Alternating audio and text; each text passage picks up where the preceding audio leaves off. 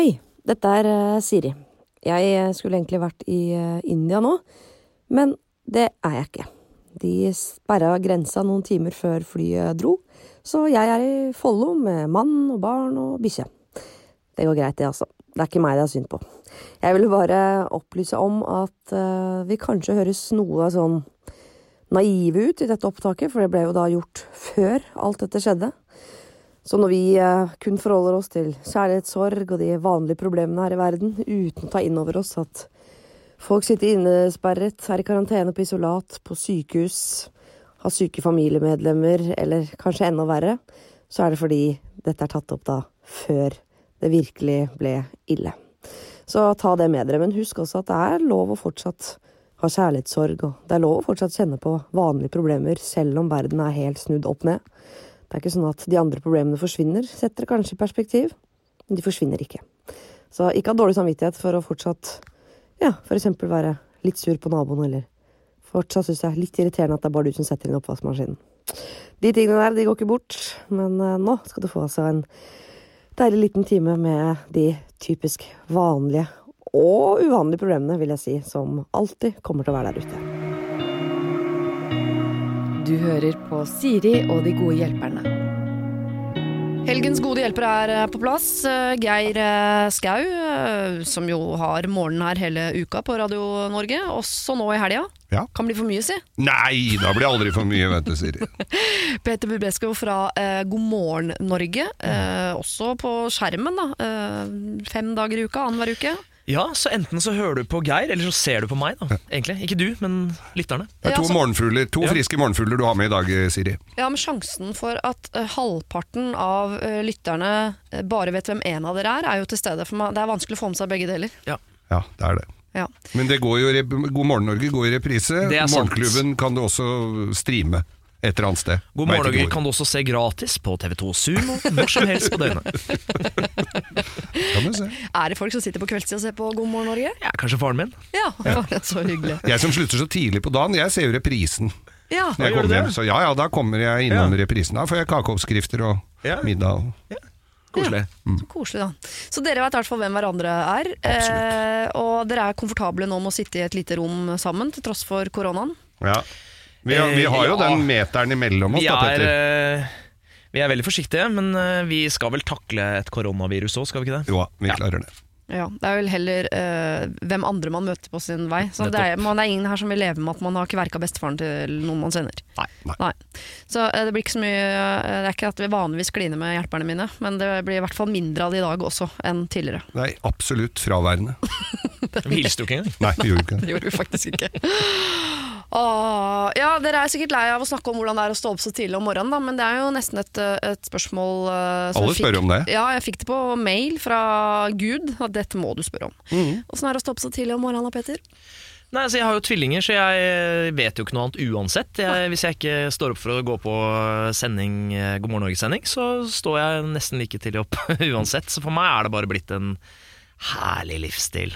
Er det sånn at du får, hvis du, la oss si at du en søndag kan sove lenge da, fordi mannen din har stått opp med ungene, la oss si at han gjør det Ja. en vakker dag da, Ja, det har skjedd, da. eller at de blir B-mennesker når de blir store. Ja, Men nå er jeg Får du det A-menneske, da. Nei, jeg våk ja, da kan jeg sove litt lenger enn seks, liksom. Men, eh, men jeg, har, jeg tror aldri jeg har sovet lenger enn ti. jeg. Ja, du bikker ikke tosifra, nei. Nei, jeg gjør ikke På det. klokka. Men står du opp tidligere enn meg, kanskje? Nei, men Kvart vet på hva, fem? Jeg er jo i en sånn alder at jeg er oppe og tisser så tidlig likevel, så det er jo samme Nei, så- Går du ikke og legger deg en Mannen min også er da. oppe og tisser om morgenen. Neida, jeg går og legger meg. Nei, jeg vet hva, det var eh, Nå har jeg holdt på i ti år med det, og jeg ser Jeg syns ikke det er så krise, jeg, altså. Men når er du står opp? Nei, jeg står jo opp eh, Jeg setter jo opp fugla. Jeg er oppe ved Det er ikke så tidlig heller, fem-halv seks. Ja. Ja. Tåler jo det. Ja, Da vinner jeg kvart på fem. Ja. Men på en Men du skal jo pynte deg, vet du. Jeg Ja, går bare rett inn. Men på en søndag òg, Geir? Nei, nei, men i første uka i ferien og sånn, da hender jeg litt tidlig oppe, så da gjelder det å ha mye sånne snekkerting og ting jeg skal ha gjort. Ja. Da er jeg oppe, naboene syns vel kanskje det er litt stritt at jeg begynner med sirkelsaga halv sju om morgenen, men uansett så Er det lov? Men Eh, du går hver dag, ikke sant? Hver dag, ja. Ja, for jeg går jo bare annenhver uke. Ja, det Så er i snitt ting. så er vi ganske like, da. Ja, I snitt er vi like. Og så har jo du den deilige timen i sminken først her. Eller det er kanskje ikke en time de bruker på dere gutta. Eh, nei, det er to minutter. Og så timen er forbeholdt eh, damene. Men det var en kompis av meg som jobba på det da det var på NRK. Han sa Ja. det, og han var jo ikke komfortabel med det i det hele tatt. Det var Rune Gokstad, tror jeg. Mhm. Han sa det, det er akkurat som å være fyllesyk, bare at du veit det har ikke vært noe gøy dagen før. Litt som å ha virus på det er balansenerven. Ja, ja. Konstant Du har krystallsyke. liksom hodepine. Ja. Det er rart at du eh, som er så glad i groviser, Geir, ikke plukka opp det der med at eh, gutta får bare to minutter, mens jentene får en time. Jeg var helt sikker på at du Der At skulle, skulle dekke ned en mynt hos at- deg. Ja, ja, at det skulle, ja, nei, jeg tenkte jeg skulle forskåne dette programmet her mot den slags vulgariteter, jeg. det er greit. Eh, det kan nok hende vi kommer innom eh, eh, ting som eh, vil appellere til Å, ja. eh, grisepratbehovet okay. ditt, Geir, i løpet Kult. av denne podkasten.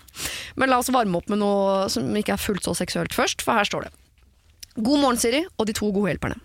Jeg var på folkehøyskole i Danmark, og der møtte jeg en jeg likte veldig godt. Vi har, uh, hadde aldri noe sånn vennskap, men en veldig flørtete tone de gangene vi var sammen. Etter hvert var vi mye sammen.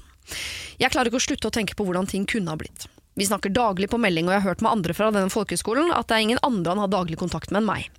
Vi snakker om hva vi driver med, nyheter, basic ting, men av og til kommer han med utrolig søte ting som får sommerfuglen til å fly ekstra raskere enn de gjør når jeg ser at jeg bare har fått en melding. Så hva skal jeg gjøre for å få en avslutning på dette? Dere tenker sikkert 'besøk han'! Det har ikke jeg tenkt i det hele tatt, må jeg bare innrømme så langt i denne mailen, men ja. Eh, Problemet er at han bor i Mexico, og frem til sommeren jobber han frivillig på Bali. Og 1. april skal jeg inn i Forsvaret i et år, og da regner jeg med at muligheten for ikke reise er så store. Så skal jeg vente et helt år med å eventuelt se han igjen, eller skal jeg dra ned nå? Hva skal jeg i så fall si til han? Jeg har aldri følt det som dette før. Hva syns dere jeg skal gjøre?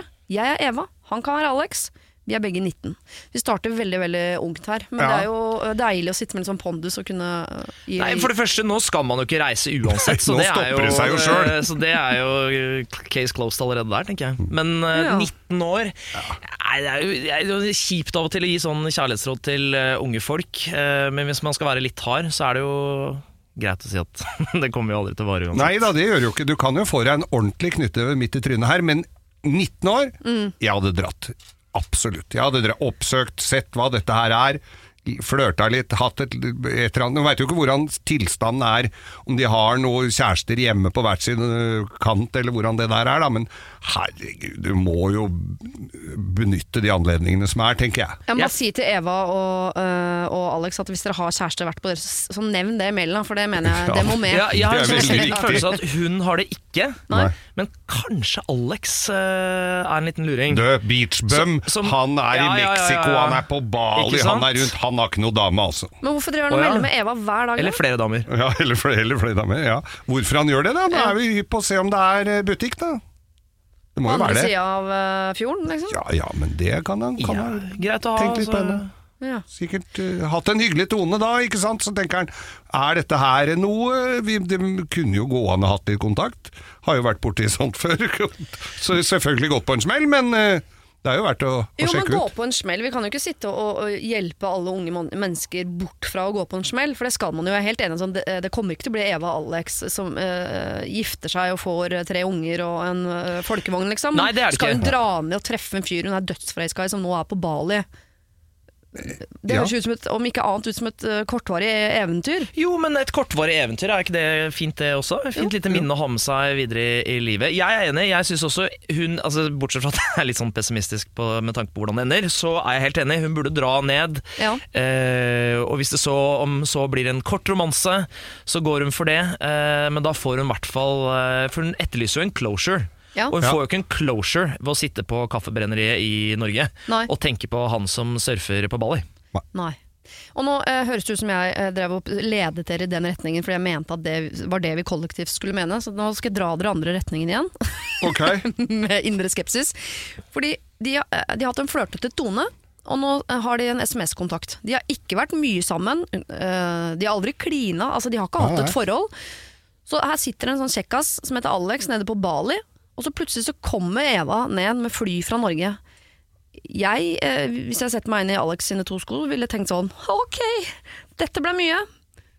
Hvorfor kommer det en kvinne som jeg ikke har kyssa engang, helt fra Norge og ned hit? ja, du må, jeg syns han bør gi beskjed om at hun Ja, det ville jeg kommer. Det At ja, ikke det kommer overraskende på, liksom Hva skal den beskjeden være? Nei, altså hun, hun må jo i hvert fall gi, eh, gi beskjed om at eh, det hadde vært kult å besøke Bali. Hun trenger jo ikke å være helt sånn 'jeg vil besøke deg, for jeg er så glad i deg', liksom. Men, eh, men eh, kan jo ljuge. Kan du bare si sånn eh, Kan Jeg skal litt. tilfeldigvis til Bali. Ja, neste måned. Er du der da? Ja, det er jeg. Ok, og så drar du ned, og så om ikke annet så har du en fet eh, ferie, kanskje. Eller så sitter du og griner på vei hjem eh, til Oslo igjen. Ja, for jeg tror også jeg ville, jeg ville nesten liksom, uh, dratt ned med en venninne. Sånn. Vi skal ikke Ja, bare dra må på ha sånn med to noen. måneders eventyr, nei, så drar nei, vi nei. innom Bali. For jeg tenker sånn at hun skal nå pakke sekken for å reise ned til han. Jeg, jeg skjønner at på film så er det en utrolig romantisk scene, men jeg tror det kan komme litt grann bombastisk på han Alex. At Eva Jeg tenker at det er eh, liksom innmari kjipt for hun venninna. Ja. Ja, hvis, det hvis det går også. bra mellom Alex og Eva. Sitte der og blomstre på en kaffe aleine, ja. Ta med to, da. ja. Baller, Ja. to måneder. Ja. Ja, ja jeg, jeg, Man skal jo ikke ljuge, men her Jeg ville ljugd litt grann til han nå og gjort liksom dette her litt mindre bombastisk. Sånn, jeg, Ja, ja. jeg skal nå uansett en tur til Bali, jeg, da. ja. Det Skal vi ligger midt i lysløypa, så her Ja. kommer jeg innom. Ja. Ja, vi syns du skal reise, Eva, for ja, å få det. den avslutningen på dette. Men eh, ikke liksom legg det fram som sånn 'jeg kommer Nei, til nei, nei. deg', er du klar-aktig? For da tror jeg du kan eh, skremme fyren ganske godt. Så Og så tror jeg vi kan si at vi må være ærlige og si at vi kan ikke garantere en lykkelig slutt der. Nei, Nei. men vi kan garantere et eventyr. Ja. Det kan vi garantere. Ja. Vi skal til et par i begynnelsen av 40-åra. Her står det. Kjære Siri. For enkelhets skyld. Kall oss Anita og Håkon. Jøss. Ja, det er veldig enkle navn. Det er fint. Vi er på andre runde her i livet, og i vår eh, nye tilværelse har vi støtt på flere fine nye opplevelser, men også noen utfordringer. De aller fleste utfordringer har vi klart å finne ut av sjøl, og vi har det alt i alt veldig fint, med ett unntak. Og det er dette unntaket vi skal hjelpe deg med. Eh, Håkon og hans vennegjeng hadde tatt initiativ til en helgetur i København. Jeg, Anita, hadde for noen år siden blitt fortalt at man i København kunne bli servert en dirty beer, som jeg regner med at du vet hva er, Geir. Ja. Dersom det dere ikke ikke kjenner til det, kommer noen nøkkelord her. Øl, kran, dildo, dame, bar. Mm. Jeg tror kvinnene trer seg ned på ølkrana og tapper øl med, eh, Med- med- innvollene sine. Ja. Altså In, ikke vagina. nyrer og lever og sånn, nei. Nei, det er vi altså med borti. Ligger organet. Ja. Og dette har du sett? Ja, ja, ja, jeg har fått sånn øl. Det er jo helt Hva sånn hjemme? Ja, sånn det bor en dansk dame i nabolaget. Har du sett kjøkkenkrana di, Geir? Den er sånn. nei, men det er sånn det er, Hele Istegata er full av sånne som trer seg ned på tappetårnet. Er det det? Ja, ja, ja, ja. Ok. Uh, det hele høres trist ut, men jeg er også nysgjerrig og har lenge hatt lyst til å se dette, skriver da Anita. Jeg forteller Håkon om det, som liker ideen. Vi går ganske langt i å undersøke muligheten for å få det til, og vi diskuterer det under middagen med vennene hans på kvelden, og det vekker både vemmelse, men også interesse hos de andre. Middagen drøyer og klokka blir halv to før vi er tilbake på hotellet, og de fleste legger seg. Men Håkon og en barndomsvenninne de blir sittende og snakke om gamle dager og er ikke helt klare for å ta kvelden. Så vi blir enige om at Håkon tar ett glass til i baren med venninna, eh, og imens så går jeg mot heisen, og Håkon roper 'jeg kommer snart'. Så på rommet tar jeg meg en dusj og smører meg inn med fuktighetskrem og legger meg for å vente på Håkon. Etter en stund sovner jeg, men jeg bråvåkner av en tekstmelding klokka halv seks. Meldingen er fra Håkon. Han skriver noe sånt som Jeg og Hege, det er venninnen, er og tar en dirty beer. Fy fader, for en opplevelse! Og med ett er jeg veldig våken. Skulle han ikke bare ta et glass? Har han dratt på dirty beer uten meg? Hva skjedde med å dra fra hotellet mens jeg ligger her og venter på han? Jeg blir dødssur, pakke bagen, og idet Håkon kommer inn på hotellrommet, sitter jeg ferdigpakka og har klart å dra til Oslo. Håkon blir litt fortumlet av det hele. Han hadde nå tenkt at jeg uansett lå og sov, at dette er en kjempeidé, men jeg er så keen på å dra hjem. Jeg vil dra hjem nå, og jeg vil dra hjem uten han. Eh, men så ender det med at de tar flyet hjem eh, sammen. Hun er pottesur, og Håkon syns bare at denne reaksjonen er veldig voldsom. Han mener at jeg er en dramadame. Eh, det hører med til historien at Hege sin mann syns det hele var veldig festlig. Men jeg? Det har gått over et år siden, og jeg sender fortsatt at jeg er hissig. Sånn, de vil på en måte De vil legge et lokk på siden. Er det, de vil vite Er Håkon dust, eller er det uh, Anita som er dramadame? Kanskje Geir, du skal starte siden du har Dirty Beer-erfaring? Ja, for til Anita så må jeg bare si her, hvis du ikke har opplevd uh, Dirty Beer, du har ikke gått glipp av all verden. Det er jo ikke så forbanna festlig, men det at hun Det syns ikke Håkon. Nei, Håkon det er jo helt fjollete at noen i hele tatt kommer på å servere øl på en sånn måte. Eh, Men, men eh, at han har gjort dette her sammen med hun venninna, Mhm. det var jo ganske dustete gjort, i og med at Anita kunne godt tenkt seg å vært med og sett på dette her òg. Ja. For det er vel det hun sier her, at eh, de kunne oppleve dette her sammen. Da er han jo litt løk i huet. Ja, for Hadde ikke Anita gitt uttrykk for at hun ville oppleve det? Det er Anitas forslag i Ja. Og så drar han på, på festival, eh, tappetårnfestival uten henne. Det er jo litt dårlig gjort. Jeg syns ikke hun er ekstremt dramakvinn, men hun kunne jo har lagt lokk på dette før det har gått et år, tenker jeg. Så ille kan det jo ikke være. Nei, jeg syns også det er helt greit å bli sur der nede. Eh, kanskje sur en liten periode etterpå. Men, Men sånn pakke bagen og dra hjem sur, eller? Nei. eh, nei, jeg tenker at man kan liksom snakke om det. Eh, Skjelle han ut. Eh, Skjellan ut? Nei, oh, det var dansk. Jo, jo, men vi er i Danmark, det er helt Ja. greit. Ja, det er fint, det. Eh, det kan hun, eller kunne hun selvfølgelig, og det gjorde hun sikkert òg, men, eh, men, men på et eller annet tidspunkt i ethvert forhold så må du liksom bestemme deg. Mm. eh, ja, Håkon gjorde en feil, men du kan ikke la straffe han i et år. Nei. Det er slitsomt for Håkon, det er slitsomt for henne, regner jeg med. Men Anita. Jeg tipper at hun ikke gjør det, men tror du ikke dette er en side hos Håkon som dukker opp når sånn Vi har jo avtalt å se siste Game of Thrones sammen, og så så du den med Knut. Ja, det var Altså, litt er sånn- mildere, da. Og den restauranten hadde jo vi tenkt å gå på, og nå har du gått dit med kollegaen. At han, at, han typisk sånn Anita kommer med masse forslag på ting de kan gjøre sammen, og det eneste han får med seg, er selve ideen. Ja. Ikke følge. Altså Det jeg henger meg opp i, er at Anita eh, ville på dette Ikke sexshowet, men, det er jo ikke eh, det. Nei, men det er jo, det er jo noe annet. Ja, ja, ja. Eh, og så tar han med seg Hege. Ja. Det er noe som sier meg at, eh, at Håkon Er han liksom helt komfortabel med Han er jo ikke helt komfortabel med å, å invitere Anita inn i liksom guttegreia, virker det som. Nei, men Hege er greit. Ja, men det er Ja. ikke kona hans. Nei, for jeg også, faktisk så tenker jeg sånn Dette er en opplevelse som jeg heller tenker at ville gjort med en kompis enn typen min. For jeg Ja. og typen det er hellig og vi er romantiske og fine og ikke sant. Eh, Alt det der. Eh, mens med sånn, bare tenker tilbake på de gutta jeg hang med på videregående som var sånn, som vi alltid snakka sånn Legendariske gamle dager, da, gutta! At det er litt mer sånn hva skandale, det greiene der. At vi er jo i sånn russetida-mode hver gang vi treffes. Mhm. Og er helt utsulta på nettopp sånne opplevelser sammen, for det er ti år siden sist. Men jeg og typen min trenger ikke oppleve det der. Nei, og jeg har jo en dame som faktisk heter Anita. Jeg tror ikke det er hun som har skrevet inn dette her, men hun ville jo I så fall aldri er hun sammen med Håkon. i tillegg. ja, nemlig. Og, jeg, jeg, hun, hun ville nok aldri ha kommet opp med det, eller hvis dette her hadde kommet opp som et forslag fra meg, eller noe sånt, så hadde jeg vel fått søra flagra lenge før den der pubturen. Ja. Så jeg tror ikke det er alle damer som er like nysgjerrig på hva dette er, altså. Nei. Nei, men hadde hun noe lyst da Jeg tenker i hvert fall at hun, eh, hun eh, tok det der og da, og så vet jeg ikke om han har sagt eh, unnskyld, men hvis han har gjort det, mm. så er det på tide å gå videre, tenker jeg. Må det. Ja. Vi er enige i at Håkon er litt dust, du er litt grann drama, og nå må dere bare legge lokk på hele situasjonen, og så skylder han deg en dirtyver, gjør han ikke det? Ja. Jeg bare lurer på de andre diskusjonene de har hatt i løpet av det året. Er det bare vært dette her? Nei, de hadde en i fjor og gikk med, han ville på noe sånn teabagging, og hun ville ikke. Ja, Artig par. Ja. Veldig artig par. Jeg tenker også at Vi egentlig burde også kommet opp med masse andre forslag til fine ting par kan gjøre sammen. da Ja. Som ikke inneholder Ikke minst i eh, København, som er en fin by som Ja. har langt mer å by på enn en akkurat det. Ja. Du kan gå i Botanisk hage, i Dyrehaven, du kan gå på uh, den, hva heter den gamle okse, eller hva Altså, det er så mye flott! Kanskje vi burde Ja. dra dit en gang til nå sammen, uten Hege, bare de to. Starte på nytt. Og så liksom oppsøke the crime scene, og så ferdig med det. Ta seg en dirtybeer der nede, ja. ja. Eller vanlig øl går også fint. ja. Eller så kan jo hun tappe en sånn dirtybeer hjemme til han. Ja, men du har tappetårene, og det er mye utstyr der. da. Det er mye utstyr, ja. For Jeg sitter bare egentlig og tenker på hva dette er egentlig for noe. Ja. For jeg, det var så sjokkerende. Jeg har aldri hørt om det. Det ligger på nettet her, se her nå, Peter. Der ser Mens du! dere eh, youtuber dirtybeer, så kan jeg begynne å lese neste problem som står her. Eh, hei dere.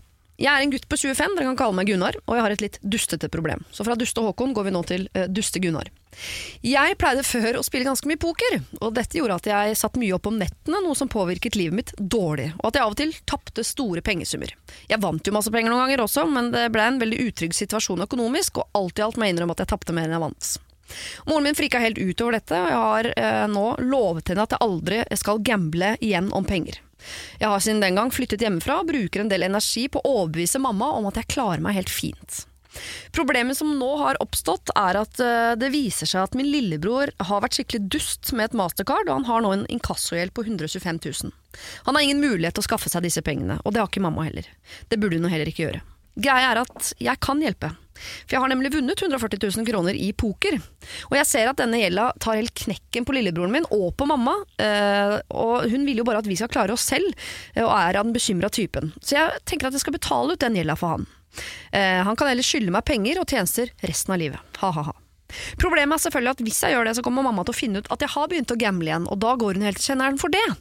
Det er ingen annen mulighet for meg til å skaffe så mye penger, og det vet hun. Så what to do? Altså her, eh, det er egentlig Problemet her er mor som er i en kjeller, og spørsmålet er skal jeg flytte mor fra en kjeller over i en annen. Ja, det er jo det. Ja. Og så har jo denne, altså, du har jo denne broderlige varmen her også, at den vil gjøre opp for bror sin. Ja. Men det er vel litt bjørntjeneste òg, er det ikke det? Mm. Det er det. Jo, du tenker at hvis eh, han broren sånn eh, oppdragelsesmessig nå lærer seg at å ja, hvis jeg går på en 140 000 kroners smell, så kommer det bare noen inn fra sida og redder meg, så da, Ja, det ja. skal jeg gjøre igjen.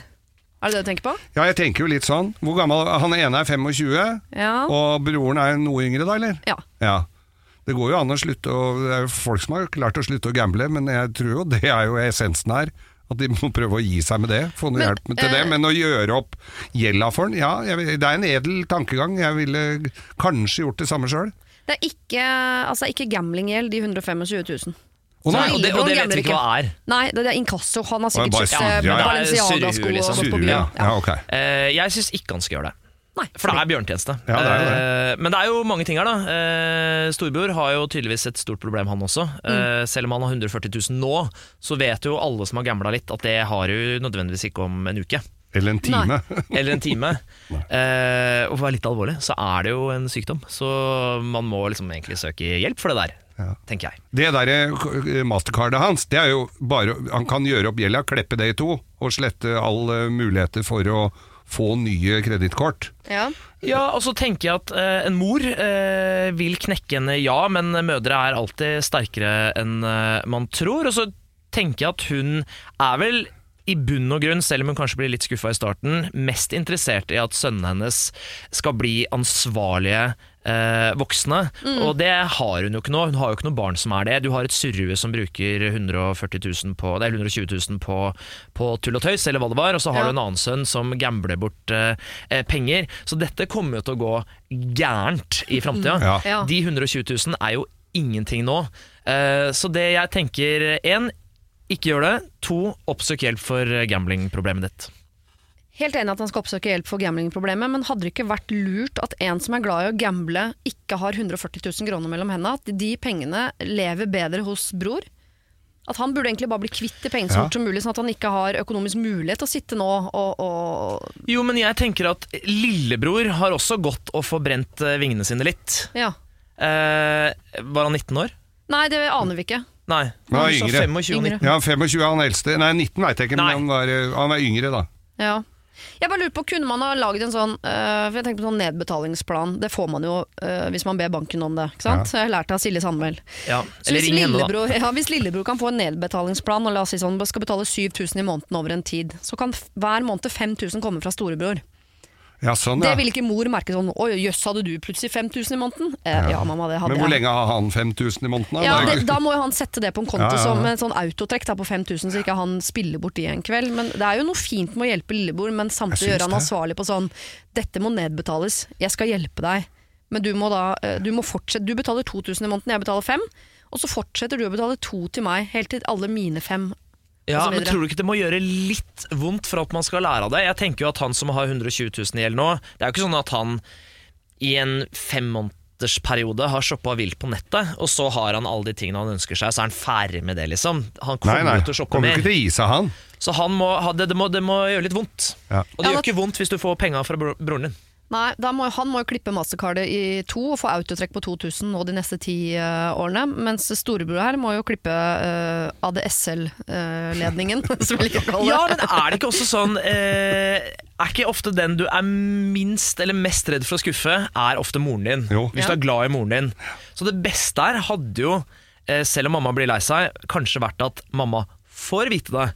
Eh, for det er kanskje den største sjansen de har til å skjerpe seg, begge to. For ingen vil skuffe mamma. Nei, så da eh, han får kjeft av moren sin, det, det svir alltid lite grann. Kanskje mor kan være behjelpelig med noen tusen i måneden, og så kan storebror være behjelpelig med noen tusen i måneden, sånn at mamma blir glad for at i hvert fall han eldste har skikka seg. Så lurer vi mamma litt på det der. Eller? Ja. Men jeg mener jo de må jo stramme opp han yngste, så Ja, han ja, ja. virkelig får en, en tankevekker her òg. At penga ikke kommer ut fra et høl i veggen og de korta der er utømmelige. Det er jo, for det er jo 20% rente, og det er jo Det renner jo inn, altså, med de regningene.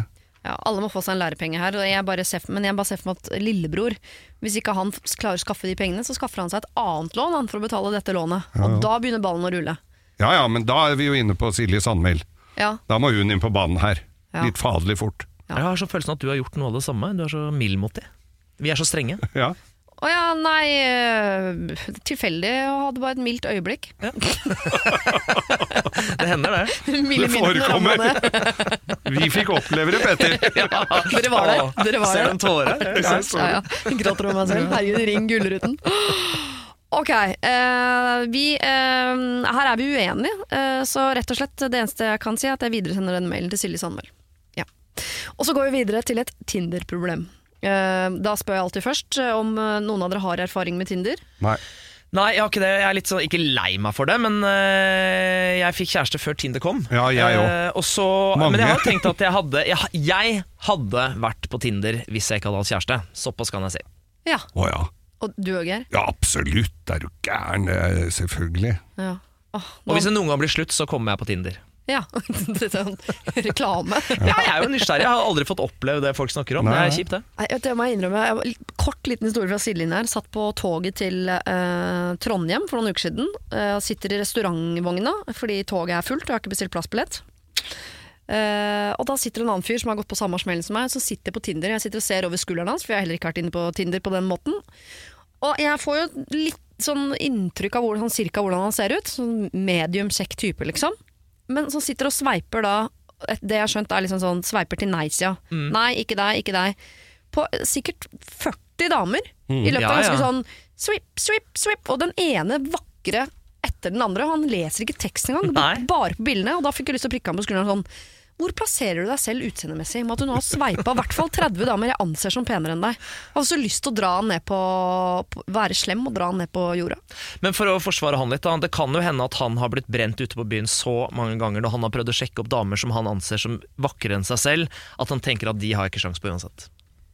Ja, Kanskje er det at han Ja, det er leter det. etter Ja, ja, damer på sitt eh, Ja, Ser etter en som ikke er så fin, som Ja. kan få ha for seg sjøl. Eller at han har en sånn syk, uh, veldig sånn spesifikk smak. Sånn jeg liker bare damer med tre øyne. Ja, Liksom. ja. Ja. Og tenna på tørk, så får du en og litt buser i nesa der, så Ok, Nå skal jeg lese etter Tinder-problemet. For dette handler om noe mye mer alvorlig enn Tinder. Bare sånn, Så ikke ta med dere den gode stemninga inn i dette problemet. For et år siden møtte jeg en mann på Tinder som hadde, jeg hadde masse kontakt med i flere måneder, hvor vi skrev meldinger, ringte hverandre og var sammen konstant. Vi hadde virkelig god samtale, kjemi og like verdier. Alt var bra, fram til han plutselig ble stille, uten noen forklaring. Og jeg satt der da, skjønte ingenting, men etter noen dager kom forklaringen og sa at det hadde vært tøft psykisk, og han trengte tid for seg selv. En liten stund etter dette finner jeg ut til min store overraskelse at jeg er gravid. Jeg tok kontakt med han, og, sa, og han sa at han ønsket ikke barn, ville ikke ha noe ansvar. Han hadde to barn fra før som han hadde alene i lange perioder. Han har opplevd at uh, mammaen til disse barna var utro mot han, uh, og hadde stukket av og latt han sitte igjen aleine. Jeg selv klarer ikke å ta bort barnet mitt etter at jeg tok en abort for noen år siden, og jeg vil aldri gjøre det igjen. Så det ender med at jeg har fått en nydelig datter, uh, men det er fremdeles helt tyst fra far. Mitt spørsmål er, hva gjør jeg nå? Hvordan takler jeg dette videre? Barnefar er tyst, og dette er visst måten han håndterer utfordringer på, har han selv fortalt. Skal jeg ta kontakt med familien hans? Barna hans, foreldrene, søsteren hans, de fortjener jo å vite om at han har en datter. De har en liten familie, og dette er den eneste jenta.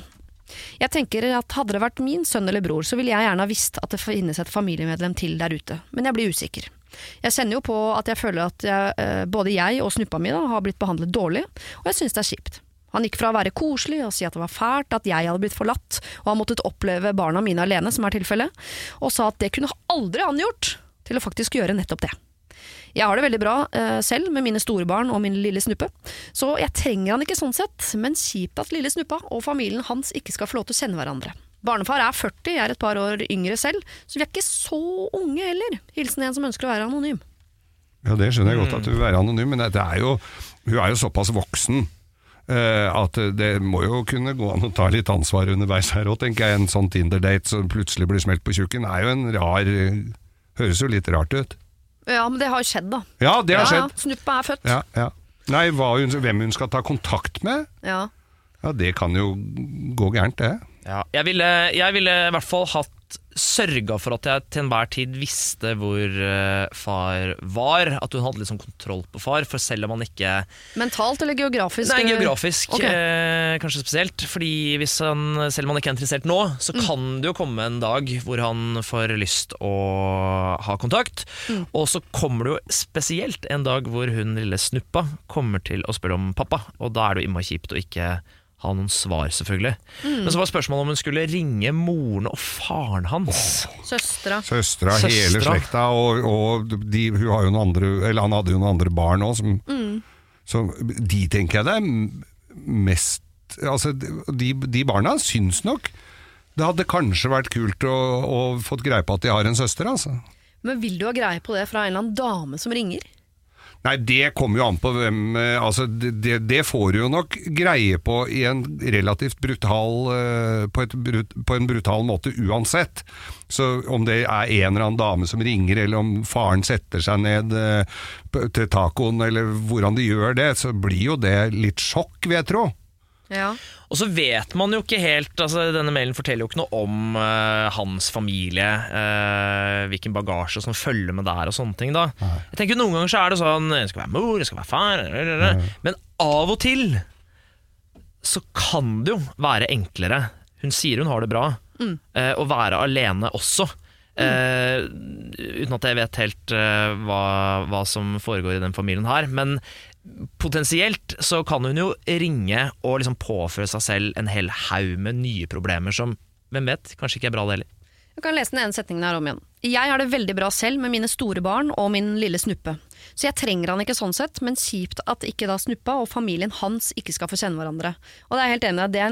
Jeg forstår den følelsen, men det er også øh, Barna får jo på en måte eh, en familie ut fra hvilken familie du gir barnet. Om det er eh, raretante Gerd og naboen og fire bikkjer, eller om det er Jeg bare tenker Jeg, jeg, jeg syns ikke hun skal ta kontakt med noen i, over hans hode, forbi hans rygg, på en måte, i hans familie. Nei, nei. For da vet du ikke For det første så kan, det er ikke sikkert det blir noe bedre for deg og barnet ditt. Og det er ikke noe sikkert at eh, Jeg bare tenker at han også kan få et dårligere forhold til sine barn.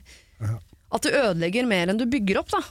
Altså Jeg har aldri vært i den situasjonen her Nei, selv, men hva er, hva er verst? Uh, å ikke vite hvem faren din er, eller å vite hvem faren din er, og vite at han ikke vil ha noe med deg å gjøre?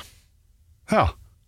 Nei, det er jaggu et godt spørsmål. Da er vi inne på noe helt annet her. Jeg går for alternativ B på Eller hvis jeg hadde blitt oppdratt og forklart at øh, mamma og pappa aldri kjent hverandre, han hadde barn fra før, jeg, tok, jeg elsker deg sånn at jeg tok et valg om å sette deg til verden, og jeg elsker deg, alle disse menneskene rundt deg elsker deg. Mm.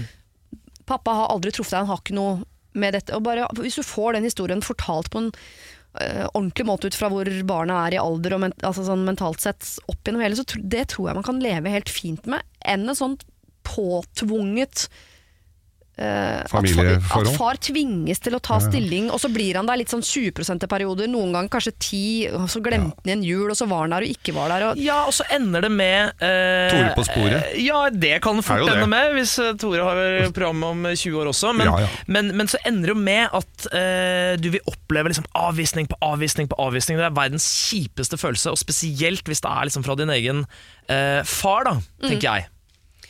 Ja, jeg bare tenker at det er bedre at mor legger til rette for at dette barnet føler seg elsket, enn at hun fokuserer på den delen hvor hun utgangspunktet ikke er det, med mindre hun klarer noe på mirakuløst vis å overbevise en hel familie om at de skal trykke dette barnet til sitt bryst. Men det må gå gjennom far. Jeg tror jeg ble Ja, ganske tydelig på sånn eh, dette barnet fins, det vet du. Jeg kommer til å være ærlig med henne på hvem du er. Så på et eller annet tidspunkt så kanskje hun tar kontakt med barna dine og sier 'hei, jeg er søsteren deres'. Er det ikke bedre at den beskjeden kommer fra deg Send allerede en mail til, eller en eller annen slags eh, form for melding til han, for han, hun får jo tak i den på et eller annet vis. Ja. Selv om han er tyst på Tinder, eller hvor han har får tak i den. Send en melding til henne at dette kan komme til å skje. Ja. At uh, Ja. han får informasjon først, det tror jeg er greit nok. Altså. Og så skriver hun vel også at han har litt psykiske problemer, gjør hun ikke det? i starten? han er litt brent på en måte av at Ja. ekskona Ja. dro fra han med en mann hun hadde Ja. eh, truffet, og han satt aleine igjen på en måte med ungene. Altså Jeg kjenner noen som har eh, fedre i livet sitt som, eh, som ikke er spesielt interesserte. Ja, Det er ikke noe kult. Nei, det vil jeg tro er døvt. Mm. ja. Ja, Du ser jo en i øya uh, på tvers av bordet her nå. Jeg må bare innrømme at jeg har alltid ment at jeg ville synes det hadde vært bedre om min far var uh, enten, altså enten 100 eller 0. Den derre Ja. sånn 10 til 15 innimellom 30 nettopp. ned på 7.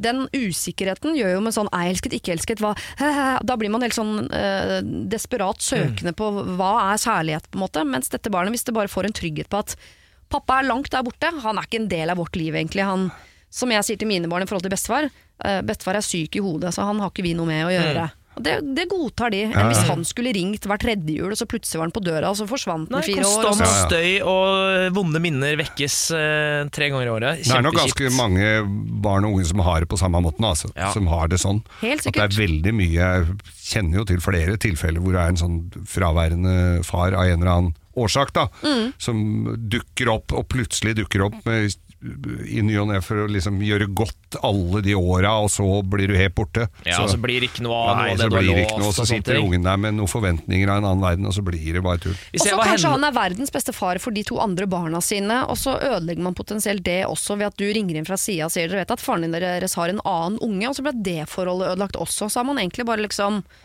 ødelagt mer enn det man har skapt. Så er det mange skapt. måter å gjøre det på, tenker jeg. Hun eh, sier jo selv at hun har et bra liv. Det er det aller, aller viktigste. Og så mm. kan hun jo eh, omgi seg med mange andre mannlige rollemodeller for, eh, for datteren sin. Ja. Og bare, jeg tenker sånn, Skap et så fint liv for datteren din som du har kontroll over. Istedenfor å prøve å tvinge det på alle andre som er rundt. Selv om han, Nå sitter det sikkert noen sure folk der ute og sier sånn Han burde visst hva han gjorde da han Ja, ja. dyppa Ja, der! ja, og det, nei, det, ja da. men den er vi for ferdig, Ja. den er vi Men forbi. skriv opp navnet, sånn at hun, datteren, når hun blir voksen, hvis hun ønsker Ja. å ta kontakt med far, så skal hun ha muligheten til det, tenker jeg. Absolutt, og det vil jeg ha sagt til far allerede nå. At jeg Ja. kommer aldri til å frarøve min datter muligheten til å kontakte deg, så det skal du være forberedt på. Så han har muligheten til å på en måte gjøre det riktige. På et eller annet Kanskje han plutselig gjør det av seg sjøl, det er det beste. Har du problemer selv, send dem inn til siri at radionorge.no. Hei, Siri og de gode hjelperne. Jeg håper dere kan komme med noen innspill til en tanke jeg har hatt i det siste. Jeg er en jente på 22 år, og jeg bor sammen med kjæresten min. Vi har ganske ulike liv, og er ofte på farten begge to. På grunn av dette kommer vi hjem til ulike tider, og for min del syns jeg det er deilig å slappe av aleine før han kommer hjem. For det er annerledes å være alene enn å være to. Det tror jeg de fleste kan være enig i. Saken er derfor. Jeg har tidligere spurt om jeg kan få opp hans posisjon på mobilen min, slik at jeg vet hvor han er, eller om han eventuelt er hjemme før meg og sånne ting. Dette har han ledd av og sagt. Hvorfor vil du vite det? Stoler du ikke på meg? Og så snakker han det bort. Jeg er kontrollfrik og vil helst unngå å alltid mase og spørre om han er hjemme, og jeg vurderer derfor å gå inn på mobilen hans og gi meg tilgang til hans posisjon uten at han vet det. Hva tenker dere om det, er det lov? Nei. Det er, ja, det er det absolutt ikke. Der var vi veldig enstemmige. Nei, det er ikke lov. Det går ikke. Da må hun eh, Jeg tenker at hun må jobbe med seg selv, Ja, først og fremst. men stoler vi på motivene her? For jeg, jeg er ikke kontrollfrik, men uh, Det er jo det. jeg- Ja, hun er det. Ja, ja. eh, men at hun vil vite hans posisjon til enhver tid, handler bare det Det er handler ikke om at hun vil ha to minutter aleine på sofaen, det Nei. handler jo om at hun vil vite Yes. hvor han er. Yes. Ja, ja, ja. Det er vikarierende årsak til at Ja. hun vil ha to minutter på sofaen. Altså. Ja. Hun må skjerpe seg, da får hun et lettere liv òg, tenker jeg, hvis hun eh, lærer seg å stole litt mer på spesielt kjæresten sin. Da. Men hvis det gir henne en ro da, som hun trenger for å være god kjæreste, burde ikke han gi henne den roen? Nei. Er det Han kategoriske? det. Han kan, men han kan jo f.eks. si hvis han har, altså hvis han har sin sti ren, så kan han si selvfølgelig, bare se her, det er jo ikke noe Det er bare å se det. Ja. Men er det noen andre løsninger i og med at hun har kontroll? Kan de ha noen sånn mer noen ordninger som er at han, når han drar hjem, så sender han melding sånn Dra hjem. Jeg skriver alltid til mannen min idet jeg kjører fra Oslo mot Son, hvor jeg bor. Da er jeg på hjul! Ja, ja. sender melding til ham, veit han er på vei hjem. Ja, men Litt tenk sånn- deg selv, da. La oss si du er ute med noen venninner, eh, og så har kjæresten din eh, kontroll, sitter hjemme i sofaen og følger med på nå er hun på Youngstorget, og så skal du egentlig hjem, så er det fort gjort. Du, vi tar en øl til, og den tar vi på Løkka. Ja. Og så skal du få en telefon klokka tolv om kvelden. Ser du er på Løkka? Ser du er på Løkka? Slitsomt liv. Ja, men hvis hun bare bruker det til ja, ja, hvis hun bare bruker det til det hun sier at hun skal bruke det til, nemlig uh, å kunne vite om hun får to minutter alene på sofaen eller ikke Men det er det jo ingen som tror på. Nei, det er jo ikke det. Nei. Nei. Det, er, det, er, det er bare en dårlig løgn, det der. Ja. Så når han ler og sier 'hvorfor vil du vite det, stoler du ikke på meg', så representerer han også oss. Ja, han gjør faktisk det, altså. Altså Enten er jo hun helt paranoid, eller så har hun jo en grunn til å ikke stole på han, da. Det vet jo ikke vi. Nei. Men da er det vel ikke GPS-tracking på han som er løsningen. Nei. Nei, jeg syns ikke det. Nei. Ha- Nå hører du hva vi tenker. Hun kaller seg Spionen M, forresten. Spionen M. Eh, hva tenker dere om det? Eh, nei, tenker vi om det. Er det lov? Nei, tenker vi om det. Og så tenker vi også at du kanskje kunne hatt godt av, eh, til tross for at du er kontrollfrik, legge bort den kontrollen litt. Grann. Bare kjenne litt på det. Det er sikkert ubehagelig, men det kan nok være sunt for både deg og han at du kommer over det behovet for kontroll eh, som gjør at du må vite hvor han er til enhver tid. Lykke til med det. Ja. Vi går videre til en som sier Hei, kall meg gjerne Lise. Jeg er bekymret for min beste venninne. Vi er begge i midten av 30-åra, vi er oppvokst sammen og har vært veldig nære nesten hele livet, men har de siste ti årene bodd i forskjellige byer. Min venninne er singel og på sjekkeren. Hun er nydelig på innsiden og utsiden, og hun er en fantastisk sprudlende person og er seg selv 100% Og hun er populær både sosialt og som sjekkeobjekt. Deilig å kalle venninnen sin objekt. Ja. Problemet er at hun eh, later til å ha en ganske lav selvrespekt. Hun har, lar rett og slett menn behandle henne dårlig. Hvis menn hun ikke er interessert i kommer bort til henne på byen og klår, ja det skjer, så fniser hun ukomfortabelt og prøver å trekke seg diskré unna. Istedenfor å konfrontere vedkommende eller be noen om hjelp til å komme seg unna. Jeg har sett at folk skriver utrolig ekle ting til henne på Tinder uten at hun reagerer på det, annet enn å ja, gi en knisete avvisning. Og jeg vet at hun enkelt øh, har latt seg presse til å ha ubeskyttet sex på one night stands fordi hun ikke klarer å si nei på en tydelig måte. Jeg har spurt henne om hvorfor hun ikke er tydeligere i krav og avvisninger, og da sier hun at hun er redd for å virke slem. Jeg er veldig glad i henne, og jeg er redd hun lar seg behandle dårlig fordi hun har lav selvfølelse, noe som er rart, for hun er egentlig strutter av selvtillit. Hvordan kan jeg få min venninne til å ta bedre vare på seg selv? Med vennlig hilsen Lise. Ja, si det. ja, si det. Det høres ikke ut som vi er uh, oraklet her, altså. Men, eh, ja, men, men må du jo snakke med henne, da? Er ikke det som eh, går igjen her? Men Nå har jeg jo prøvd det, tydeligvis, da. Å si det at hvorfor Har hun ikke det? Har hun ikke ymta frampå litt her? Ja, jeg, jeg er litt sånn i limbo på sånn eh, Det er fint at Lise er bekymret og at hun bryr seg, men er dette Lise sin Er det Lise sin jobb å sørge for at venninnen Nei, Men det er nei. kanskje din jobb som venninne å på en eller annen måte sørge for at vennene dine har det bra, hvis man ser sånn stort på det, men Ja, og det er jo en fin ting, selvfølgelig. Ja. Uh, men det er jo en samtale da, å Ja, om, samtale. eh, om, uh, om det. ja. Men er Hvorfor ikke det, stoppa det opp nå? er ikke det, nei, men er ikke dette her et sånt fenomen at en som har vært sammen med en uh, drittsekk, ofte finner en ny drittsekk, og at det går litt sånn runddans? At det er sånn at de uh, Og hvorfor skjer det? Ja. Jeg vet, jeg vet ikke hvorfor det stopper opp her Nei. på dette. Jeg tror det er noe med at her er det mange ting man tenker at man burde si og burde mene, men sånn som man ikke har helt troa på sjøl, som blir litt sånn pynteputemetaforer. Sånn, det er klart du skal stå opp for deg sjøl og hjelpe venninna di og sånn, så vet du sånn, det prosjektet funker jo ikke. Nei, men det er jo tydelig at hun eh, strutter av selvtillit, eh, kanskje, men så gjør hun kanskje ikke det likevel. Eh, ellers hadde hun jo ikke latt seg behandle sånn.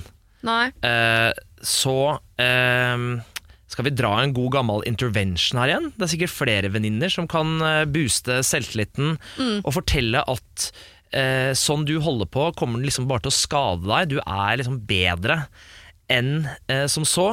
Eh, du tåler å avvise, og du er ikke slem selv om du gjør det. Eh, Du skal, ikke bli klådd på, du skal ikke bli klådd på på byen.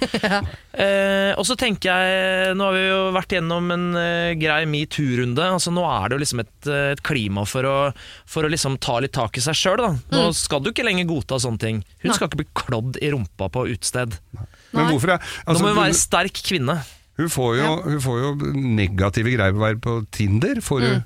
Jeg, jeg, altså, Peter og jeg har jo ikke veldig god Tinder-erfaring her, så jeg veit ikke åssen det funker. Men kan du sende meldinger på hvor dårlig du er på Tinder? Nei, Hvis man først har fått en match og man er i dialog, så kan man vel snakke med hverandre. Ok, det er Ja. sånn det funker. Mm. For det, men det, ja, de må jo bare se, sørge for at de får sletta. Kanskje slette den Tinder-kontoen også eh, for en periode, da? Eller for venninna kan si at nå Jeg, jeg, nå, prøver jeg være, nå prøver jeg ikke å være Lise, selv om det egentlig er min jobb som programleder å, tale Lises sak. Men nå Ja. prøver jeg å være venninnen din, Lise, for å gi deg, Lise, god hjelp. Jeg tror jeg ville likt at jeg hadde en venninne som jeg visste at hvis jeg ble lei meg en dag, så var hun der og støttet meg og hjalp meg i det. Men om jeg ville hatt en venninne som kom inn fra sida med en slags intervention på å fortelle meg hvordan jeg burde reagere, tenk sånn, vet du hva, jeg er over 30 år gammel, dette er min personlighet. Ja, nei, Hvis er dette det hadde vært så problematisk for meg, så hadde jeg antageligvis gjort noe med det. Det er ikke fordi jeg ikke veit om det. Det kan jo hende også at denne venninnen er sånn Min måte å takle dette på er at jeg bare kniser det unna, istedenfor for jeg er heller ikke en som har lyst til å lage en scene hele tiden og er sånn opp i fjeset på folk og sånn Ikke! Stopp! Hold opp med det der! Jeg vil også på en måte bare trukket meg vekk fra situasjonen, og så var den ferdig. Eller? Ja, men det har jo vist seg, da, eh, historisk sett, at det er ikke så lett, da. Eh, for mange jenter i de situasjonene der. Det er ikke så lett å si nei. Eh, det er ikke så lett å gjøre noe annet enn å liksom le av det. Man har jo liksom godtatt sånn oppførsel. Kanskje ikke hun har kommet eh, like langt som venninne. Jeg tenker at det kan være, om ikke en intervention, så er det i hvert fall vært en prat da, om hvorfor tillater du Hvorfor tillater du deg å havne i de situasjonene? Vi gjør det ikke. Nei. Eh, vi føler at da mister vi liksom all selvrespekt. Vi er jo venninner. Kan man prate om alt? Kan ikke det? Jo. Jo da, jeg, jeg, man kan helt sikkert gi de rådene til venninnen. Jeg, jeg må innrømme dessverre at jeg ikke har helt troa på at hun kommer til å forandre seg så veldig på det. Jeg, jeg ser for meg at dette er hennes måte å takle de situasjonene på, men at ikke nødvendigvis den følelsen av at hun har eh, lav selvrespekt. Så jeg tror ikke det er en følelse som nødvendigvis følger henne gjennom livet, men at i de situasjonene så, så løser hun det på den måten, og så går hun videre.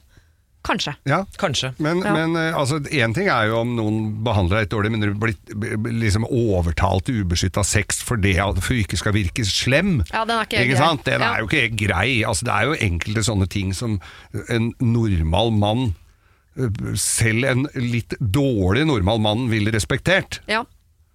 Så det, det, det er jo Hun må jo ha oppsøkt noe ordentlig knasapeser av noen tullebukker her, altså. Ja, ja.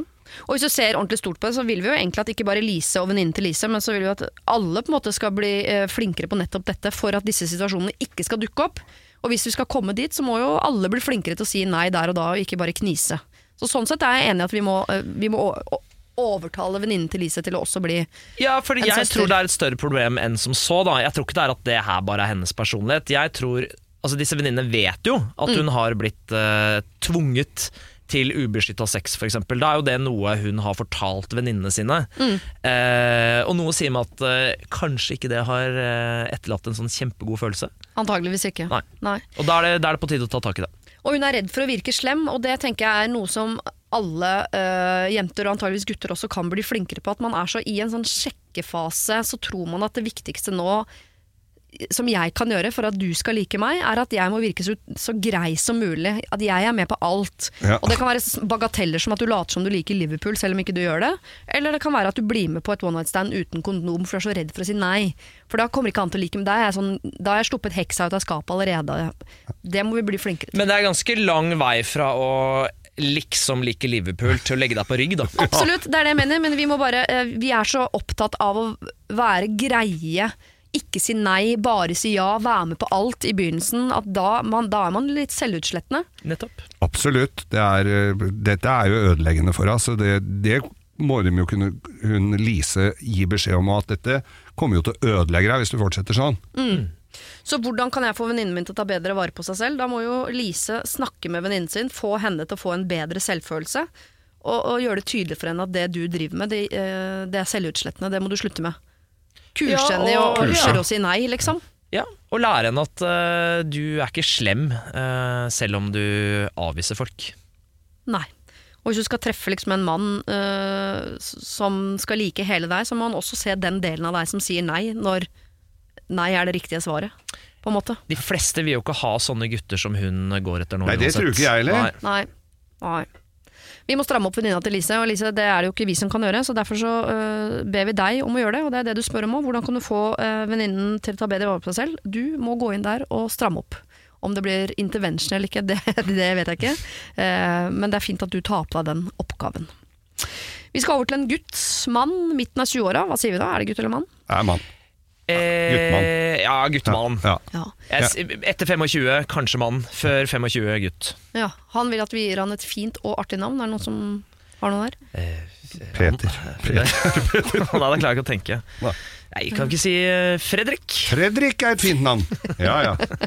Som i er Fredrik artig? Skavlan. Ja, men er det artig? Anton, da. Anton, Sånn som den store hunden på, på Ja. din, ja. Hvem da? Den svære hunden har du ikke sett på fra, hund til, nei, fra bølle til bestevenn, den, de der hundene. Nei. Hun som får de hundene. Og Anton er jo hele Norges Anton, en altfor svær hund. Peter, som nå, ikke nå er gidder. du, minner du meg om moren min som kom hjem fra Spania her på Ja. fredag. Jeg sa sånn, er det ikke noe korona i Spania da? Og hun sa, hæ? Ja, ikke sant? Ølene. Nei, men jeg skriver opp uh, Anton hunden og Ja. Dirty Beer. Det er Google mye it. du har å jobbe med nå, Petter. Ok, da ble det Anton, en gu- eh, mann, gutt i midten av 20-åra. Kommer an på om det er over eller under 25. Jeg deler bopel med kjæresten min, men jeg kan ikke påstå at vi lever sammen.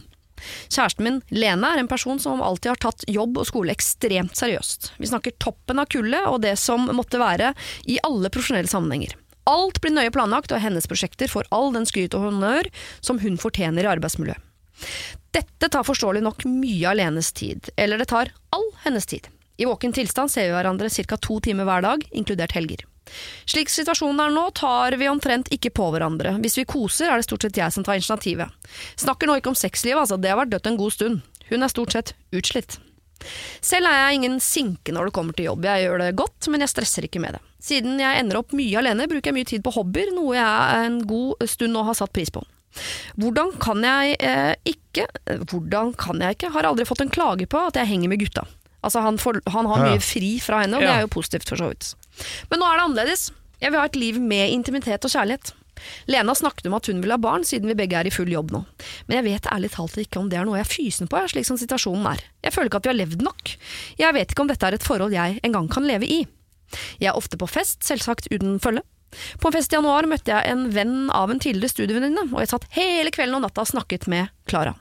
Det er lenge siden jeg har hatt en så øh, person ved min side. Hun er singel, vi har like hobbyer, og jeg tror jeg har falt for henne.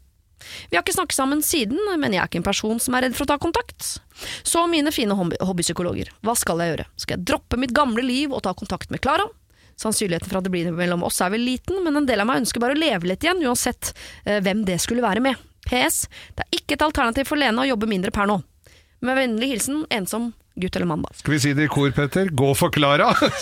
Ja, jeg bare synes det var så gøy at eh, hun het Klara, og så valgte vi å kalle han Anton. Så var vi liksom rett inn i Andeby med en gang. ja, ja, det For er nå jo det. tenker jeg bare Hva ville bestemor Duck sagt? Hva ville Ja. bestemor Duck sagt? Uh, nei, vet du hva, jeg tenker en ting, og det er uh, Dette gjelder ikke alle, men eh, min erfaring i voksen alder er at hvis du treffer eh, Mange, i hvert fall, som jeg kjenner, hvis de treffer hverandre og det blir for seriøst for tidlig, les i 20-åra, så er det for tidlig.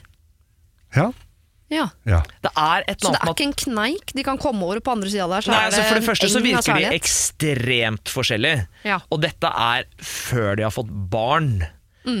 Eh, og noe sier meg at de har ganske ulik oppfatning og verdenssyn på ganske mye, da.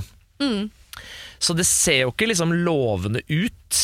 Jeg skjønner jo han Eh. veldig godt her, at eh, han føler jo at han ikke har eh, fått vært med 25 år. Mm. Da var jeg midt i glansdagene, da Ja. hadde jeg det gøy, altså. Da, Ja. begynte, da det var da jeg virkelig begynte å oppleve ting. For da hadde du jo god råd, du kunne farte rundt og, f- og være med på alt som var. Mm. Eh, og hvis du da hadde blitt stuck i et sånt allerede litt forkjølig forhold. Mm. Jeg, jeg mener det at det, jeg tror ikke er helt liv laga her, med mindre hun endrer seg radikalt. Nei, så tenker jeg Hvis sexlivet har vært dødt i lang tid, og så er du midten av 20-åra Det skal ikke skje før du er midten midten av 30-åra. Nei, det skjer ikke da heller, skal jeg love deg. Eller kanskje før. Men ikke så tidlig. Nå har de jo vært sammen en stund, jeg med at de deler eh, bopel, så regner jeg med at de har vært eh, sammen i noen år i hvert fall. Eh, og hva om dette bare er en periode, da? At hun bare er veldig pliktoppfyllende, men egentlig er drømmedama hans? Ja, ja.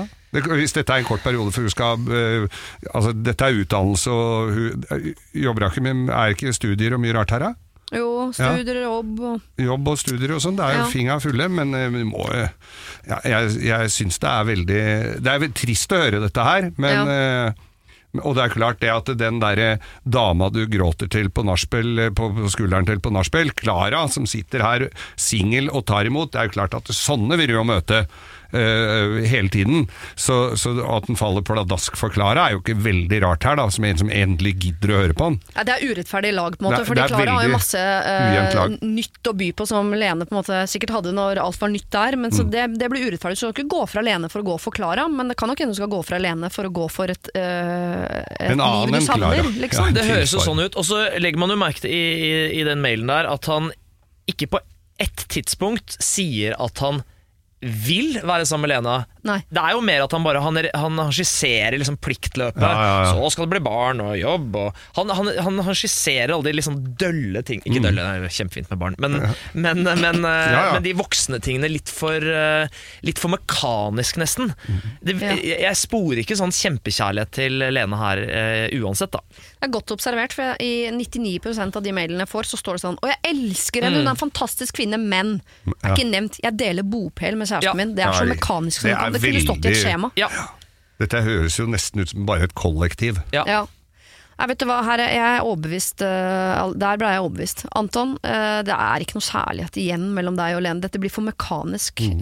det er ikke fordi vi har falt pladask for Klara og ser for oss en blomstereng med hun. Eh, du kjeder allerede. Du er 25 år gammel, du vil leve livet. Da skal ikke du sitte hjemme og vente på at Lene blir ferdig på jobben, så dere mekanisk kan lage en baby dere mekanisk kan oppdra sammen. Nei, nei, nei. nei. Nei, det, går, det går gærent. Og 25 år, det er, ung, det er våren Ja. av livet. Jeg kan nesten garantere at hvis de får barn nå, siden de er 25, så skal de, hvis de holder på sånn nå før barn, så skal de i hvert fall ikke ha noe særlig kontakt i de 10 årene, 13 årene barnet Altså, jeg kan garantere skilsmisse eh, på 40-årsdagen. Ja. Dette høres ikke bra ut. eh, Her blir det Anton. konfirmasjon med to familier. Dette er bare det første av mange problemer vi kommer til å få fra Anton i, i årene som kommer. Ok, vi skal inn i et helt vanlig A4-liv, et til, eh, på mange måter. Eh, her står det, eh, og det er veldig gøy, dette, eh, vi skal til langt nord i landet. Fordi eh, det står bare æ, æ, æ, æ, æ, æ, æ, æ overalt. Og jeg skal prøve å lese det på bokmål, så ikke det høres ut som dette er en sketsj. Hei, Siri og godhjelperne. Hjelperne.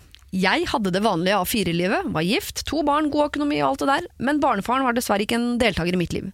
Så jeg ønsket meg ut i mange år, men hadde aldri baller nok. Så etter mange år fikk jeg endelig styrke nok til å forlate de trygge rammene, da for den spennende kollegaen med det lure smilet. Forholdet var magisk, vi hadde det fantastisk i lag. Turer, fester, hverdag, alt var bra!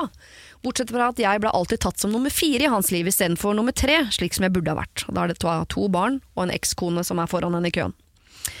Etter en perfekt skjønner dere matematikken. Ja, hun var eh, komfortabel med å være nummer tre, eh, men ikke nummer fire. Etter en perfekt ferie med både mine barn og hans barn, fikk jeg nok av han og eksen hans, og sa, da han sa at han plutselig skulle på ferie med henne også og barna deres. Da rant begeret over, og det ble slutt på dagen. I månedene etter dette bruddet var det mye frem og tilbake, fester, vi hooka, og det var dager hvor han sa at han elsket meg, men han var usikker på om vi ville få ting til å gå av barna osv. Så, videre. så kom oktober, og han fant seg en ny. Desember sa han eh, at han ville prate og finne ut av ting, og dumme meg står liksom på siden hele tiden og kommer meg ikke videre. Jeg har bedt han om å slippe meg, så jeg kan komme meg videre, men han respekterer ikke det. Han sender stadig meldinger, kommer hele tiden bort og skal prate om hverdagen og livet.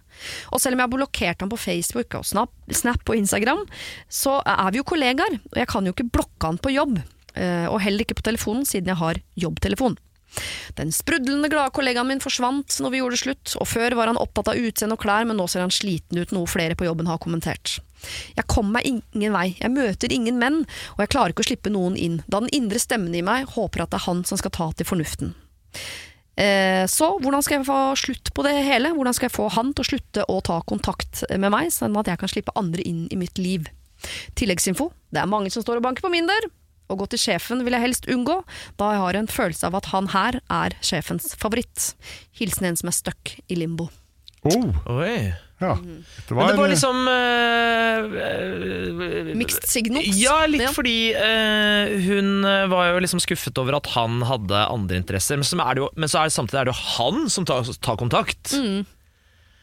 Eh, vanligvis så ville det jo kanskje vært at eh, hun eh, føler ikke helt at hun slipper inn, og så er det han som er litt sånn egoistisk. Men han her tar jo kontakt. Ja, på Han jobb. gjør jo det. Men Ja. det er jo litt lite taktisk å drive og dra Altså Én ting er jo de barna, men å drive og drasse eksen inn i nye forhold har jeg jo erfart ikke er så smart. Ja, men Har Selv man om- noe valg når man har barn med eksen? Nei, men det er graden av det. Ja. Ja. Felles ferie og sånn, det utgår. Det utgår definitivt. Ja, ellers kan man se stort på og tenke sånn, det, sånn blir det. Hadde hun barn selv? Eh, Ja, ja, det- ja, ja, ja, ja. Mm, det er hans barn og mine barn òg. Ja. Mm. Det er jo kaoset som mm, mange opplever det, da. Jeg syns det er rart det der, fordi eh, det kommer litt an på fra hvilken side man gir råd. Fordi noen ganger så Jeg ville gitt råd til eh, Hvis jeg hadde hatt en venninne hvor det ble slutt med mannen og de hadde felles barn, så ble det sagt sånn det viktigste er jo barna, og jo bedre venner dere er, jo bedre. Klart feire jul sammen. Sikkert kjempebra, det er jo det beste for barna, bla, bla. Men så snakker du med en venninne som har blitt sammen med en fyr som har barn med en annen. Tenker sånn Skal han feire jul med eksen? Ja. Nei, nei, nei. Nei, men altså, jeg- så det er, ja, da Jeg- glemmer man jeg- ungene. Jeg feirer jul med ekskona, barna mine og mutter'n. Ja. Og Ikke kjæresten din. kjæresten min feirer med sin familie på den sida. Altså, på sikt så vil vel det sikkert endres, Mm. men nå er jo de gutta, eller barna våre, de fire barna er jo voksne folk, liksom, så det er jo ikke noe krise det. Det er jo mer at de henger på tradisjoner. Men, men eh, skulle jeg slutta å feire jul med å feire jul sånn annethvert år med gutta mine fordi at det var feil å ha Jeg har ikke noe mer kontakt med hun eksen min enn den julaften, og det går helt fint. Det går som ei kule. Men, men jeg har også hatt Jeg er jo såpass voksen at jeg har vært gjennom noen runder, jeg. Altså, så jeg var jo sammen med en som hadde eh, da, vi, da gutta, eller barna mine var yngre, da. eh, Som også hadde barn på omtrent samme alderen, og de funka jo ikke sammen i det hele tatt. Så der var jo Etter hvert så har jeg skjønt at de feriene vi seks hadde sammen, var jo fremsto jo nærmest som tvang. Ja. Fordi ungene men de turte jo ikke å si noe, eller de sa jo ikke noe da, men de ville jo aldri tilbake dit.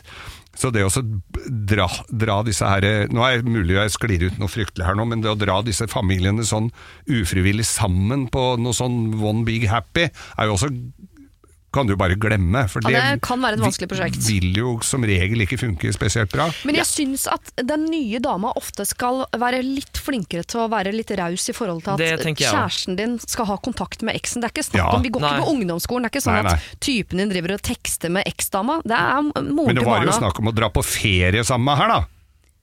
Ja, men hvis, jeg ikke, hvis jeg hadde hatt null sjalusi i meg, så ville jeg tenkt sånn Er ikke det en ganske god idé, da? Mm. For barna?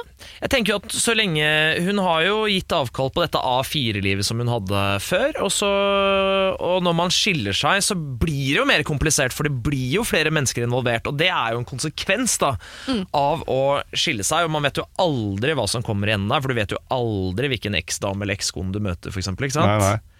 Eh, og som du sier, raus.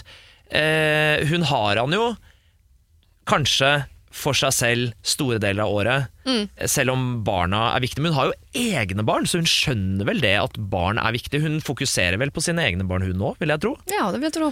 Så hvis man kan være raus og gi bort en julaften og en uke om sommeren, så, så er jo det en liten pris å betale for eh, kjærlighet resten av året. Ja, for, men så tenker jeg at uh, det er jo begrensa hvor mye hun kan sende inn her, da, men frøken Støkken Limbo her, jeg tipper jo at uh, følelsen av å ikke være førstepri handler jo om noe mer. Jeg tenker sånn, Du skal jo ha følelsen av å være viktigere for han enn ekskona. Det er jeg helt enig i. Så jeg tipper at sånn, hvis han nærmest sånn mens dere er på romantisk middag sitter og, og livestreamer med ekskona, liksom, så, Ja, ja. eller at er hjemme hos henne sju dager i uka for å fortsatt fikse og ordne ting som han holder på med ja. Ja, det, vi vet ikke alt her, så det kan godt hende at den følelsen er helt reell. Hun var på fjerdeplass. Det er ikke riktig, hun skal være på en eh, tredjeplass. En god En tredjeplass. god tredjeplass.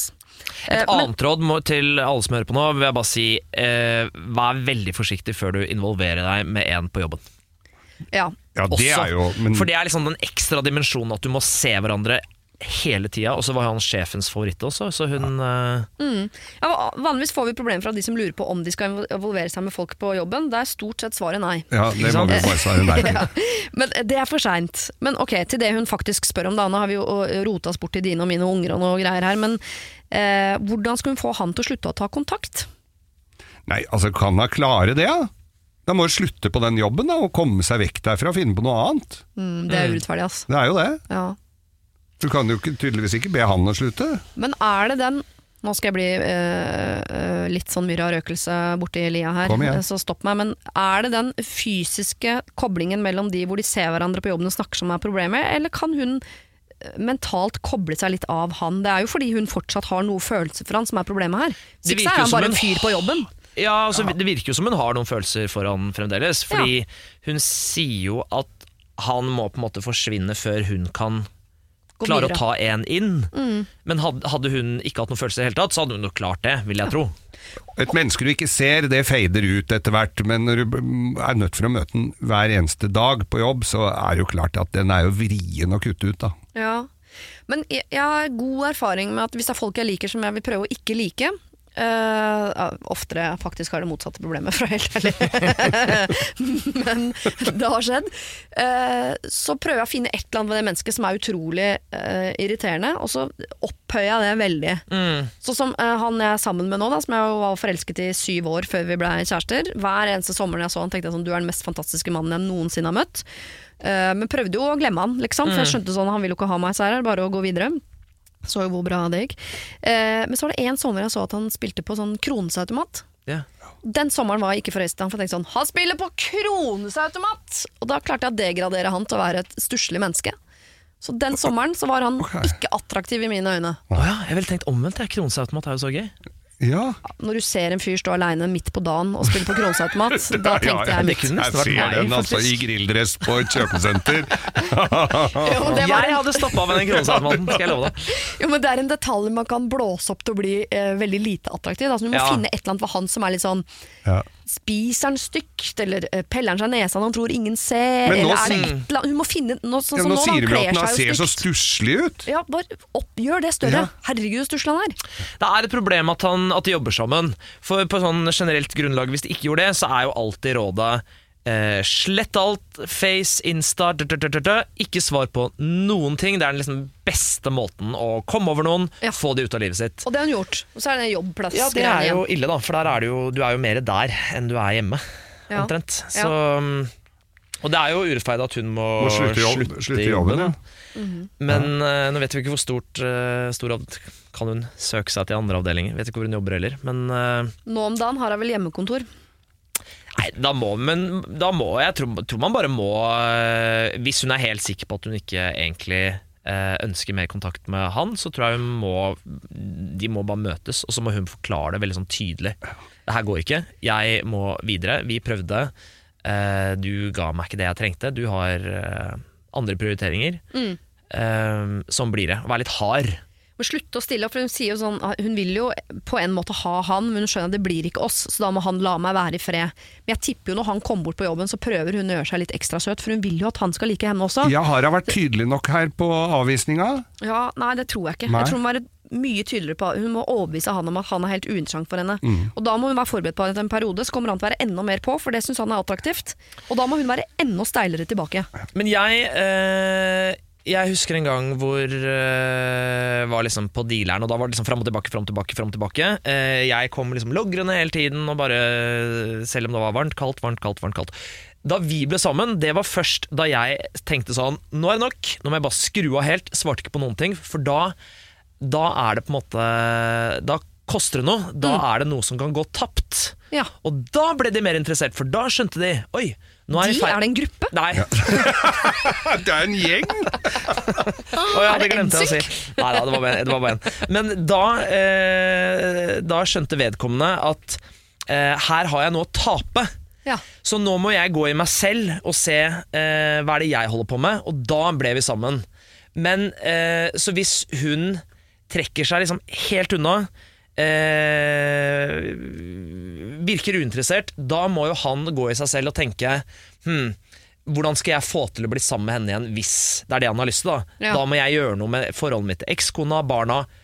Jeg må gjøre om på liksom Ja, kanskje- Dårlig råd, men eh, Nei, men det er, ikke sant? det er jo et godt råd, men samtidig da gir vi jo henne et råd som egentlig er en taktikk for å få han, når vi egentlig skal gi råd for at hun ikke skal ha han. Ja, ja. Jeg, altså, jeg er helt enig, og kanskje du til og med skal gå til sjefen og si sånn Du, du som jo vet hvor vanskelig det er å ikke falle pladask for han. Mhm. Det gjør vi jo alle, gjør vi ikke? Kompis, kompis, kompis.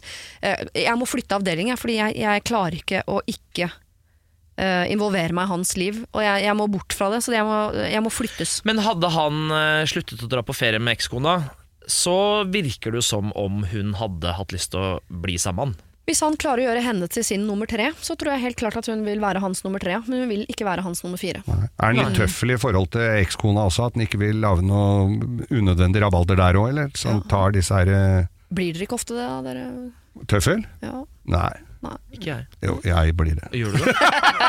Nei, nei, men jeg skjønner jo når jeg må være tøffel Ja. og liste meg rundt. Ja. Bli rydda ut av oppvaskmaskinen umiddelbart. Det er jo klart det at det, ja. folk legger jo merke til det. Nei, sånn holder jeg ikke på. ass. Men til alle de som står og banker på hennes dør, da, kanskje du skal bare prøve livet der ute litt. For det kan jo hende at det som skal til for å glemme han, er at du får fokuset over på en annen. Så, men uh, Blir flytta litt på i jobb. ja, snakk er med sjefen, hør om du kan flytte på deg. eh, vær enda tydeligere med han på avvisningene dine. Logg deg av mentalt, ikke bare liksom teknisk på Facebook. Uh, og se Og om det gjør at han fjerner seg helt, eller om han hopper helt inn. Ja, og gå på en sånn tvangsdate, for da får du ofte en uh, idé om Klarer jeg liksom å konsentrere meg i det hele tatt på denne daten, eller er tankene mine der? Eh, så får du noen svar, da, hvor viktig han er for deg. Og fokusere på de negative tingene hans, for jeg er helt sikker på han har noen. Han Alle så har det. veldig jævlig ut. Det er jo en ser start, da. helt jævlig ut. Herregud, så stygg han har blitt. og den lukta! Åh, jeg blir kvalm! Jeg lukter helt hit. Dere, Det har vært fantastisk å få hjelp fra dere. Jeg tror vi har redda en, um, Nasjon. en nasjon. tror jeg vi har uh, redda. Så uh, kanskje de der koronafolka burde ringe oss.